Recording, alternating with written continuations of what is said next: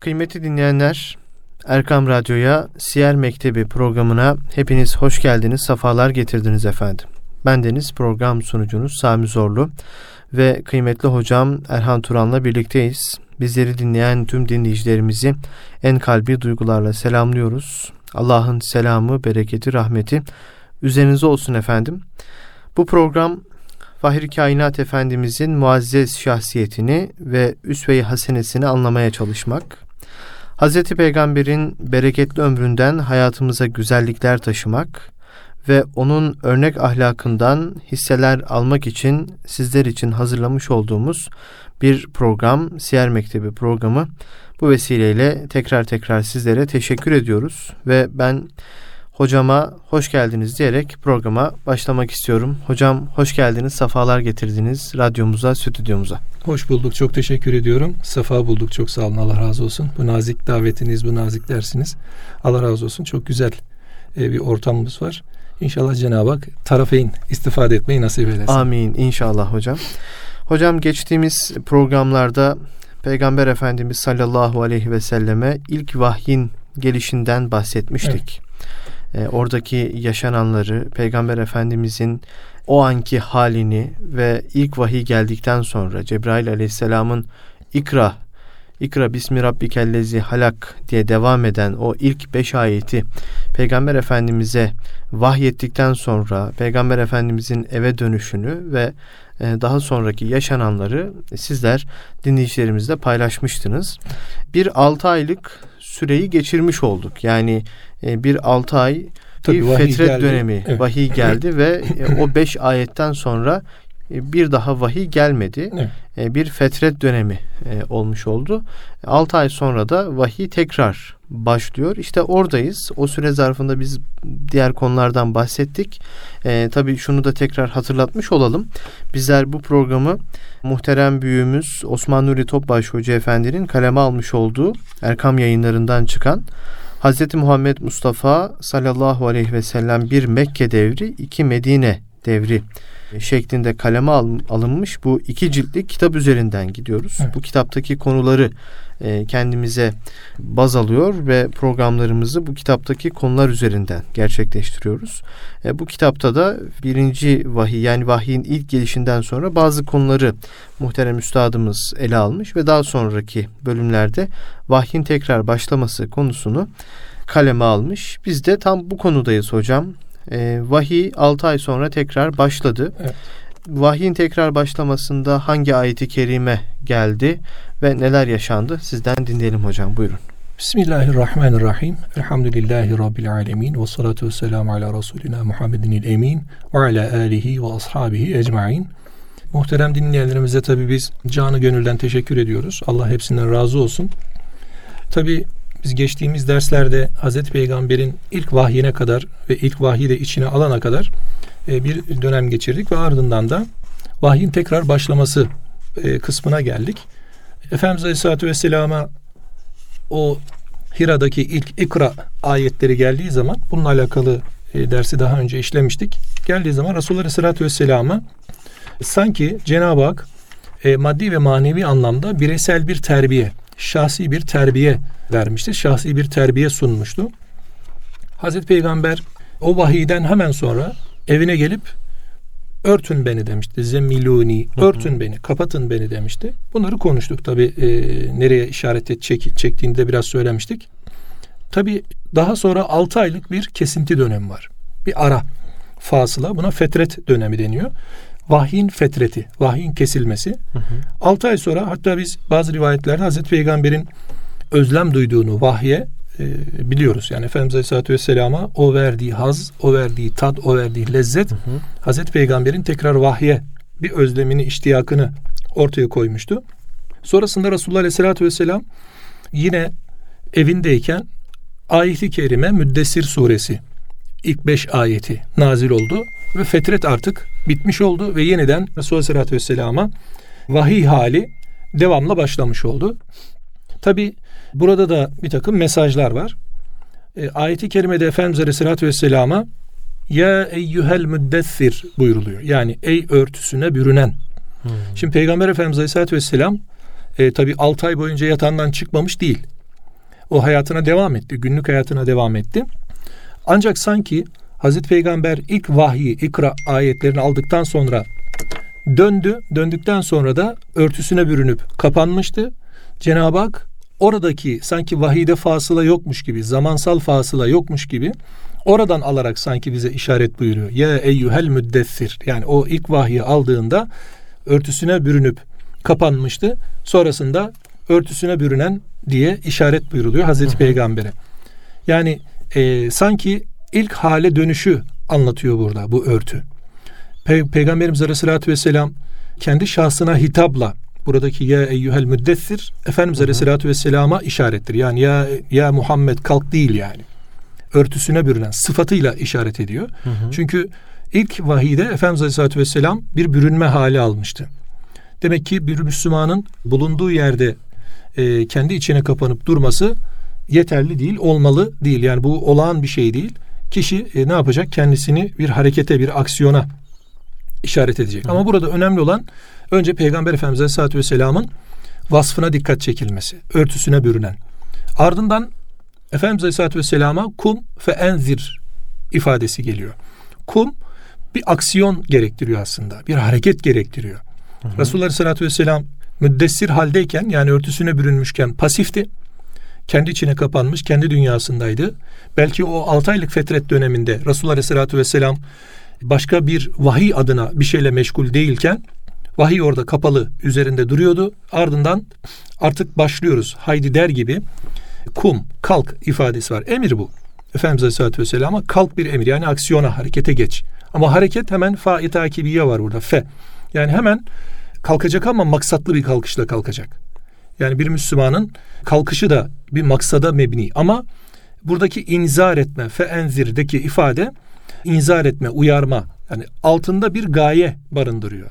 Yani Müslümanın kalkışı, Müslüman karakteri, Müslüman şahsiyetin kalkışı e, ne için olacak? Hayır için olacak. İşte e, İslam'ı tebliğ için olacak. imanı tebliğ için olacak. E, aksiyon için. O aksiyonu iki anlamda düşünebiliriz. Bunlardan birincisi ibadetler, ikincisi dünya hayatı. Evet. Burada bir bağlantı söz konusu. O bağlantı da ve ile geliyor. Ve rabbeke fekebbir. Yani Cenabı Hakk'ı burada düşünerek, onu hedefleyerek Rabbinin adıyla işte Rabbin seni terbiye etti. Önce bu vahide konuşmuştuk. E, ala, e, ikra, ikra Bismillahirrahmanirrahim halak ayetleri Alak suresini anlatırken orada konuşmuştuk. Rabbi terbiye etti Peygamber Efendimiz Aleyhisselatü Vesselam'ı. Kendisi hadis-i şerifte de söylüyordu zaten. Edde beni Rabbi fe ahsenete edibi. Ne güzel terbiye etti beni diye. Demek ki Müslüman şahsiyetin burada alacağı ders Rabbinin terbiyesine ram olma. Rabbinin terbiyesiyle terbiyelenmeye çalışma. İşte o terbiyeyi alanların yolunda terbiyelenmeye gayret etme. Ve ardından da e, yine burada bir aksiyon var. Ve kebbir. Yani o terbiyeyi aldığın gibi terbiyelendir de. Hmm. Sadece burada işte Rabbini yücelt, Rabbinin adını işte Allahu Ekber de demek değil bu sadece. Elbette ki fiili olarak o da var. Ama buradaki kebbir aynı zamanda Cenab-ı Peygamber'in tüm haliyle, hareketiyle tabi onun özelinde bizlerin de Müslümanların da Rabbinden almış olduğu emaneti, kendisine verilen kulluk emanetini hem dünya hem ahireti de hedefleyerek hı hı. E, yüceltmeye çalışma ve onunla hal olma. Yani aslında sanki burada bir ferdi ve içtimai bir hareketi bize işaretle ve rabbeke fekebbir hem kişinin kendisini terbiye etmesi hem de etrafının terbiyesiyle meşgul olması hali. E, sonrasında yine devam ediyor ve thiyabeke fetahir. E, kalktı ne yapacak? Bir, uyarı yapacak. Hı hı. İki, Rabbini e, terbiye ettiği hal üzere terbiyesini yaymak için hareket halinde olacak. Sonrasında fe thiyabeke fetahir. Elbiseni de temiz tut. Şimdi yukarıda manevi terbiye vardı. Hı hı. Rabbeke fekebbir bir nevi manevi terbiyenin işareti. Alt tarafta da thiyabeke zahiri anlatıyor. Yani kişinin elbisesi, dış hali o da temiz tutulacak. Demek ki Müslüman şahsiyetin e, karakter inşa etmesi gerekiyor. Yani karşısındaki insanın dışarıdan baktığında kendisine ne diyelim hayran olması hali. Hmm. Karakterleri peşinden koşuyor insanlar. Şimdi günümüzde bakıyoruz bazı şöhret bulmuş şahıslar var. İşte e, magazin dünyası diye bilinen bir yer var. Orada gençlerimiz su gibi o tarafa doğru akıyor. Niye? Çünkü hayatları, dünya yaşayışları, cafcaflı dünyaları, işte e, haramdan korkmamaları nefse de hoş geliyor. Bu haliyle bir özenti oluşmaya başlıyor o tarafa doğru. O yüzden Müslümanın yani Müslüman olan her kimsenin İslam'la şereflenmiş her kimsenin aslında e, hayatının içerisinde İslam'ı tebliğ bir parantez olmalı. Mutlaka o hayatı tebliğ e, hayatını İslam'la yaşayarak bir başkasına İslam'a teşvik. İslam'ı yaşamaya teşvik. Bu sadece tabi gayrimüslim halkları Müslüman etme hareketi değil hocam. Aynı zamanda kendi iç dünyamızda, kendi Müslüman mahallesinde hı hı. o salyangozu sattırmama hadisesi. Hı hı. Çünkü bizim günahlardan kaçışımız, günahlara hani toplum baskısı diyorlar ya günümüzde. Aslında parantez arasında bu olmalı sanki. Yani neticede günah aleni işlenememeli. Yani günah tabii biz gizli işlensin demiyoruz. Bu o anlama gelmez. Yani birileri gizli bile yaparken, işlerken korktuğu günahı bugün aleni işliyor, açıktan işliyor.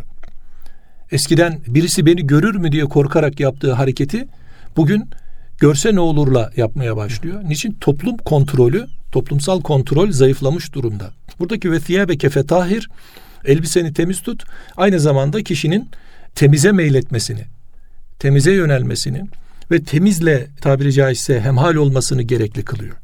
Her halinde bu geçerli. Yani uyurken de böyle, yemek yerken de böyle, ticaret yaparken de böyle. Sadece helal olması yetmiyor. Halalen tayyiben. Hem helal olacak hem de temiz olacak. Hmm. Tayyib olacak, tayyib olacak, güzel olacak. Yani bir kimsenin sadece helal kazandım demesi yetmiyor. Tayyibi de kazanması gerekiyor. Ondan dolayı hayatını da buna tahhire göre düzenlemesi gerekiyor, tertip etmesi gerekiyor. Ve bu tabi bir sonraki ayette de beşinci ayette de biraz daha açılıyor. Ve rucuze fehcur yani günahlardan kaç. Hı hı. Kötü şeylerden uzak dur. Bu Peygamber Aleyhisselatü Vesselam'ın günah işleyeceği ya da kötüye meyledeceği anlamında değil. Bize bir işaret bu. Hı hı. Neticede biz e, bir hayatla mücadele ederken, alışveriş yaparken, ticaret yaparken mutlaka karşımıza rucuz çıkacak. Ve onlardan da hicret etmek gerekecek. Kaçmak gerekecek. Hicrette konuşacağız. Efendimiz Aleyhisselatü Hı. Vesselam'ın hicretini nasıl anlayacağız? Orada buraya da işaret var aslında. Neticede riciz dediğimiz o kötü şeyler yani şeytanlığa ya da şeytana yönlendiren, şeytana e, meylettiren, e, şeytanlığa meylettiren hallerden Müslümanın kaçması hali. Evet. Şimdi şurada bir olumsuz bir hareket görsek, işte bir ne bileyim kerih bir hal görsek, kötü bir durum görsek ne yaparız? Oradan iğrenir, tiksinir, kendimizi yüzümüzde ekşitir, öyle çekilir gideriz. İşte buraya da yaklaşmama. Yani ve rucize fehcur kaç derken yaklaşmamayı da işin içine e, dahil edeceğiz. Ondan dolayı e, şimdi şey çok fazla. Şeytanın okları çok fazla. Evet. Yani bu oklara tesadüf olmamak lazım. Oklara tutulmamak lazım. Bu buna işaret. Ne yapacak? Müslüman aslında bu beş ayetten Resulullah Aleyhisselatü Vesselam'ın özelinde kendine bir pay çıkaracak. Birincisi ya eyyuhel müddessir. Donuk kalmayacak. Yani kendisini camit hale, donuk hale getirmeyecek. Çok da biliyordur, çok da söylüyordur ama amel yoktur. insanlara tebliğ yoktur. Bu bilginin de bir faydası yoktur. Efendimiz Aleyhisselatü Vesselam Allahümme inni e'udhu bike min ilmin la yenfa buyuruyor. Yani sen, senden faydası olmayan ilimden sana sığınırım ya Rabbi. Faydası olmayan ilim. Demek ki bir hı hı. ilim var, faydası yok. İlmin faydası yokmuş demek ki. Peygamberimiz sığınıyorsa bir ilim var, o ilimin faydası yok. İşte faydası olmayanlar müddessir. Bizi faydasız şeyler bu günümüzde çok fazla. İşte bilgisayar ekranları ne bileyim cebimize kadar girdi. Tabletler, telefonlar, internettir, sosyal medyadır vesairedir. Tabi bunlar kullanılmayacak anlamında değil elbette ki kullanılacak. Ancak bunlar kullanılırken orada kapalı kalmama. Yani or- orasının kendimizi esir etmesine izin vermemek. Ardından e, bir aksiyon istiyor Cenab-ı Hak peygamberden. O aksiyonu bizden de istiyor Cenab-ı Hak. Kum kalk hareket haline geç. Hı hı. Kalk. Sonra e, bu kalkış da maksatlı bir kalkış olacak. Uyaracak. Rabbinin kendisine vermiş olduğu nimetleri hatırlayarak onu yüceltecek insanlar anlatacak, tebliğ edecek. Bu alanda kendisine gelecek olan her türlü kötülüklerden kaçacak, kendini temiz tutmaya, tenzih etmeye gayret edecek. Kendine bir pay çıkaracak Müslüman bu beş ayetten. Birbirini tamamlıyor. Alak suresinin beş ayetiyle hı hı. Müddessir suresinin beş ayeti birbirini tamamlıyor. Çünkü orada ne vardı? Oku vardı. Rabbinin adıyla oku vardı. Rabbin yarattı vardı. Orada bir dikkat çekme vardı. Burada da bu dikkat çekmenin yanında camit halden, donuk halden, hareketsiz halden hadi bakalım harekete geç haliyle Cenab-ı Peygamber'e bir emir silsilesi burada veriliyor. Tabi onun nezdinde tüm Müslümanlara bizlere de veriliyor bu. Evet. Hocam tam da burada biraz değindiniz ama ilk başlarda bu 6 aylık süre zarfında Peygamber Efendimiz Aleyhisselatü Vesselam vahyin tekrar gelişini bekledi mi? Ee, ve kendisi de bir vahye tekrar hazırladı mı kendini? O süre zarfında neler yaptı? Elbette Efendimiz Aleyhisselatü Vesselam'ın günlük hayatı devam ediyordu. Hı hı. Normal e, rutini devam ediyordu. Yemesi, içmesi, ticareti, alışverişi devam ediyordu. Ama aklının bir köşesinde hocam vahiy vardı. Çünkü gelmişti. Hı hı. Bir işaret vardı. Kendisine bilenlerle vahiy olduğu söylenmişti. Varaka bin Nevfel'e gitmişti. Evet. Ve ardından da kendisinin de artık e, acabası vardı. Emin değildi. Tekrar gelir mi gelmez mi? Ama bir beklenti içindeydi Efendimiz Aleyhisselatü Vesselam. Evet. Öyle bir duruşu beklentisi vardı çünkü rivayetlerde buna işaretler var. Efendimiz Aleyhisselatü Vesselam bazen yolda yürürken gökyüzüne bakıyordu. Bazen bir tefekküre dalıp gidiyordu. Aslında bir beklentisi vardı çünkü hı hı. o lezzeti almıştı. Yani Cenab-ı Hak manevi sofradan ikram etmişti. O sofradan o ikramın bir daha geleceğini düşünüyordu. Bir beklenti içerisindeydi. Buna göre bir hazırlığı var mı? Yani e, böyle özel bir hazırlığı yok. Neticede vahiy nasıl gelecek, hangi şartlarla gelecek ve ne gelecek bunu bilmiyor Peygamberimiz Aleyhisselatü Vesselam. Ne zaman Hı-hı. gelecek bilmiyor. Sadece o kendisini manen hazır tutuyordu. Evet. Olay buydu hocam Hı-hı. orada. Bu vahiyden sonra yani fetret dönemindeki ikinci vahyin gelmeye başlamasından sonra bir vahiy kesintisi yok. Evet. E, bildiğim kadarıyla değil mi hocam?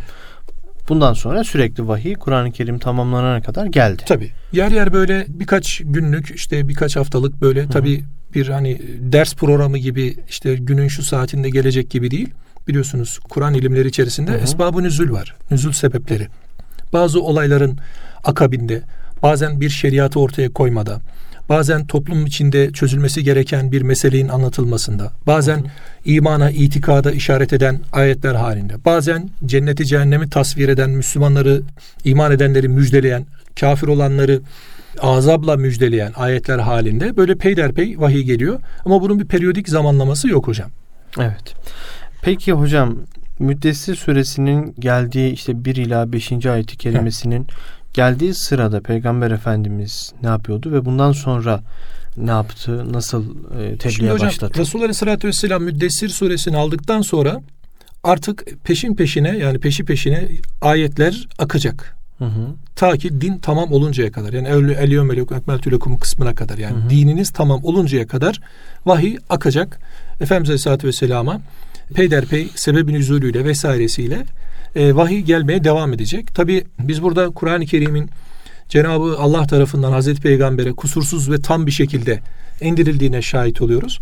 Beşeri bir takım eksiklikleri de barındırmadığını görüyoruz. Bütün rivayetlerde bakıyoruz. Tabi burada arada bir de Efendimiz Aleyhisselatü Vesselam'a e, Cebrail Aleyhisselam'ın gelip abdest ve namazı öğrettiğini biliyoruz. Yani vahiy geldikten sonra artık hı Müddessir suresi geldikten sonra Efendimiz Aleyhisselatü Vesselam'ın kendi şahsında çünkü Resulullah Aleyhisselatü Vesselam büyük bir muhabbetle bu vahiy geldikten sonra devam etmişti ve namaz kılmayı Cenab-ı Cebrail Aleyhisselam Hazreti Allah'ın emriyle Hazreti Peygamber'e nasıl abdest alınacağını ve nasıl kılınacağını öğretmişti. Efendimiz Aleyhisselatü Vesselam bu zamandan sonra artık e, namaz kılmaya da başlıyor. Hatta evine geliyor. Evinde hanımına da namazı öğretiyor. Abdesti ve namazı öğretiyor. Hı hı. Sadece ilave bu. Ondan sonra Resulullah Aleyhisselatü Vesselam'a tebliğ hali gelecek. Efendimiz Aleyhisselatü Vesselam bu dönem içerisinde de 3 yıl gizli bir tebliğ dönemine girecek.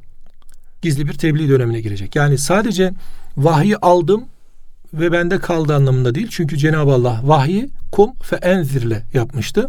Ya eyyuhel müddessir kalktı. Efendimiz Aleyhisselatü Vesselam hemen tabi burada iman etme olgusu var. Onu bir konuşmak lazım.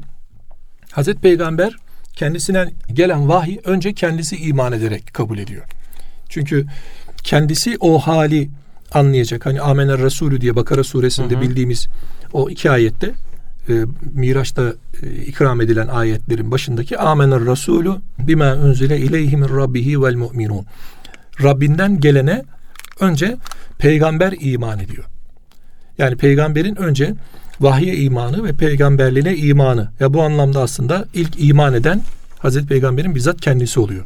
Evet. Bu noktada hem vahye hem Cenab-ı Hakk'a hem peygamberliğe iman ediyor. Peygamberlik müessesesi dediğimiz, peygamberlik misyonu dediğimiz o peygamberlik ne diyelim kimliğine iman ediyor.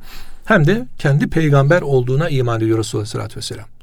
Ardından da bir halkanın e, hani bir su damlası damlatırız böyle suyun içerisine küçük bir halka oluşur. Ardından biraz daha büyük, biraz daha büyük, biraz daha büyük kapsadığı suyun bulunduğu alana kadar o halka genişler. İşte Efendimiz Aleyhisselatü Vesselam o gizli dönem dediğimiz davet dönemine o halkanın önce ilk noktayı koyduğumuzdaki ilk halkasına gidiyor. Yani hanımına gidiyor. Hanımına İslam'ı anlatıyor, dini anlatıyor. O zaten daha öncesinde Alak suresini tebliğ ettiğinde iman ettim demişti Hazreti Hatice validemiz. Evet. Ve ardından halkanın bir sonrası yani önce ailesi ve akraba. Akraba derken burada kızları çocuklarından bahsediyoruz. Önce çocukları evet. iman ediyorlar. Yani işte kızları iman ediyorlar. Hı hı. Aslında bir tebliğ metodundan da bahsediyor değil mi hocam? Elbette ki. Buradaki yani ilk önce aileniz, akrabalarınız, işte mahalleniz, evet. bulunduğunuz şehir, evet. ülkeniz evet. diye Böyle bir ya. konumuz var hocam. Gelecek o. Tebliğ metotları diye burada bir e, başlık da olacak. Efendimiz Aleyhisselatü Vesselam bu tebliğ yaparken nelere dikkat ettiği hı hı. ama burada yeri gelmişken onu söylemek lazım. Tebliğde önce kişinin kendisini yetiştirmesi esas hocam. Hı. Biraz önce söylediğimiz gibi Rabbeke bir Rabbin seni terbiye etti. Hı hı. Yani kişi önce tebliğde kendisini yetiştirecek. Yani şahsın karakter kazanması, karakterin de Müslüman şahsiyetle şahsiyetlenerek kazanması burada her şeyin önünde. Çünkü kendisi muhatap alacak karşısındakileri. Ve karşısındakiler onu davranışına göre değerlendirecekler. Evet. Bu açık tebliğ geldiği zaman fasta bima tu'mer ayetleri geldiği zaman Hazreti Peygamber Safa Tepesi'ne çıktığında ya da müşriklerin o önde gelenlerini davet ettiğinde önce kendisini e, teyit ettiriyor. Hani ben size şunları şunları söylesem inanır mısınız? Bunu konuşacağız gelecek konu olarak. Hı hı. Ben size şu dağın arkasından bir ordu gelecek saldırıyor hı. desem inanır mısınız diye soracak. Onlar da evet diyecekler. Çünkü sen yalan söylemezsin, sen doğrusun, sen sadıksın, sen eminsin. Senin vasıflarında bunlar vardır deyip önce karakteri teyit edecekler. O yüzden Müslümanın tebliğde önce kendisini hı hı. eğitmesi gerekiyor. Burada bilgili olması da yet, yetmiyor, yetmiyor hocam. Bilgili olmak yetmiyor hocam. Hı hı. İki boyutu var bunun. Bir ilim boyutu var, bir de irfan boyutu var. Evet. İlimsiz irfan, irfansız ilim olmuyor hocam. Yani Cenab-ı Allah vakanın bir satırlara yazılmış ilmini veriyor. Yani kitaplarda yazılı olan işte bir takım e, tecrübelerle aktarılan ve e, belli bir terbiyeyi gerektiren elbette ki bir rahle-i tedris var. Yani bir hoca efendinin dizinin dibine oturup ders okuma ve o dersi öğrenme hadisesi var. Yalnız bununla bitmiyor. Bunun bir de hayata tatbiki, buna irfan deniyor işte. Hayata tatbiki, onun mahiyetini anlama, tefekkür etme ve onunla yaşamaya çalışma, insanları bu noktada o yaşanılana teşvik etme, özendirme diyelim bunun adına günümüz ifadesiyle hali olacak. Yani kişinin her ikisini de iç içe barındırması yani ilmi de irfanı da yan yana tutması karşısındakini tesir ediyor. Bu sefer o da onun gibi olmanın gayretine düşüyor. Efendimiz Aleyhisselatü Vesselam'da bu birebir vardı. Ondan dolayı ashab başta olmak üzere onu tanıyan herkes onun gibi olmaya gayret ediyordu. Evet. Yani günümüzde işte belli bir sinema sanatçısı, belli bir futbol futbolcu, top oynayan bir adam, ne bileyim bir sporcu taklit ediliyor. Niye? Çünkü onun zahiri başarıları ya da zahiri özellikleri dikkat uyandırıyor, insanları cezbediyor ve insanlar onun gibi olmaya gayret ediyor ve onu örnek şahsiyet olarak karşısına alıyor.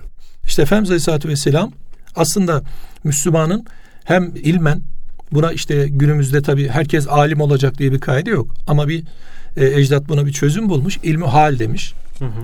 İşte ilmi hal diye çok meşhur olunan o hal ilmi yani bir toplum içerisinde yani bir insan bir Müslümanın Müslüman gibi namazını, abdestini, ibadetini, ticaretini, ziyaretini, yemesini, içmesini nasıl yapacağıyla alakalı insanı yetiştirecek olan bir ilim. Burada herkesin tabi biraz önce söylediğimiz gibi e, Kur'an, fıkıh, tefsir, hadis, kelam böyle deruni anlamda bilmesi beklenmez. Evet. Ama en azından zahir anlamda, genel anlamda, genel bakışta bir kültür edinmesi gerekir. Yani bir Müslümanın Kur'an-ı Kerim'i genel manasıyla kültüren ne anlattığını bilmesi lazım. Kur'an kültürü dediğimiz. Hadisi şerifleri Peygamberimiz Aleyhisselatü Vesselam'ı bir bilmesi gerekir. buradaki kronolojik bir bilgi değildir tabi.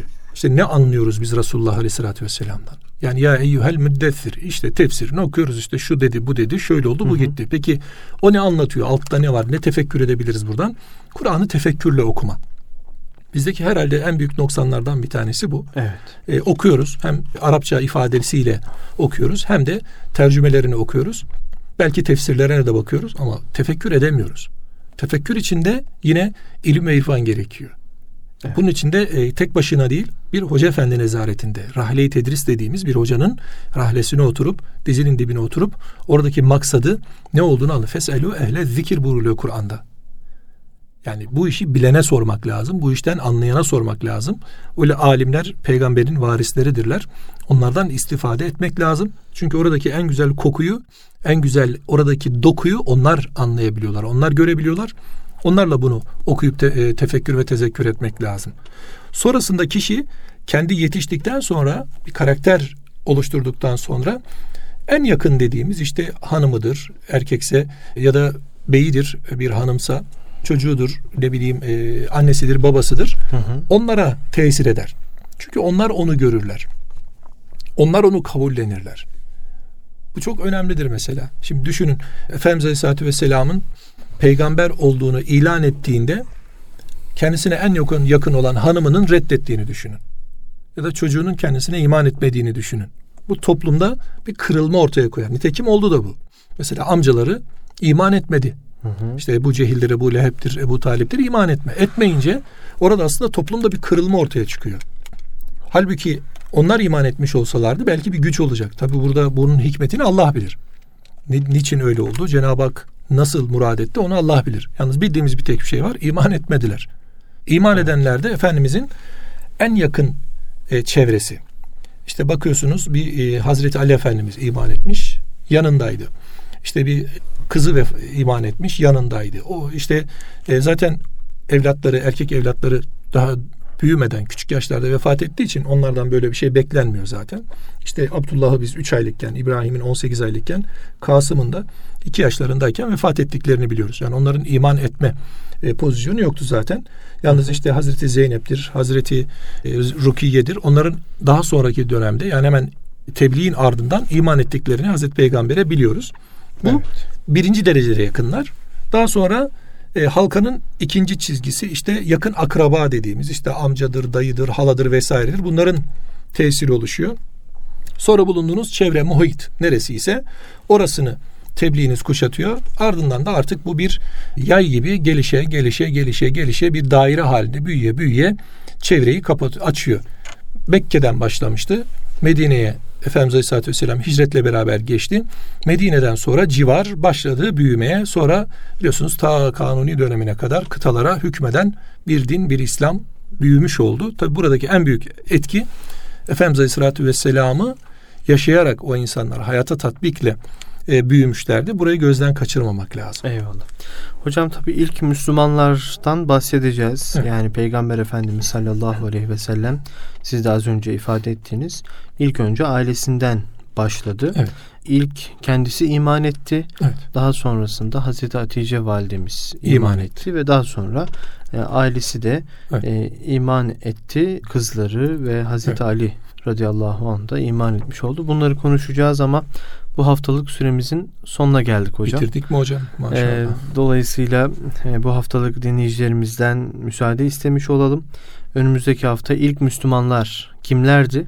Tamam. E, Peygamber Efendimiz e, o tebliğ e, metodunu nasıl gerçekleştirdi? İlk olarak kimler iman etti? Bunları konuşmaya devam edeceğiz hocam. Geçer hocam inşallah. Çok çok teşekkür ediyoruz. Biz teşekkür ederiz. Allah, razı, Allah razı olsun. Gönlünüze sağlık. Çok sağ olun. Kıymetli dinleyenler Erkam Radyo'da kıymetli hocam Erhan Turan'la birlikte Siyer Mektebi programında bu hafta Peygamber Efendimiz sallallahu aleyhi ve selleme vahyin tekrar gelmesini konuştuk. Müddessir suresinin 1 ila 5. ayeti kelimeleri Peygamber Efendimiz sallallahu aleyhi ve selleme ikinci e, vahyin tekrar başlamasıyla vahyolunmuştu. Bu ayetleri konuştuk. Bu ayetlerden neler anlamamız gerekir? Bunları konuştuk. Haftaya Peygamber Efendimiz'e e, ilk iman edenler kimlerdi? İlk Müslümanlar kimlerdi? E, bu konu üzerinden devam edeceğiz. Şimdilik Allah'a emanet olun efendim. Kulağınız bizde olsun.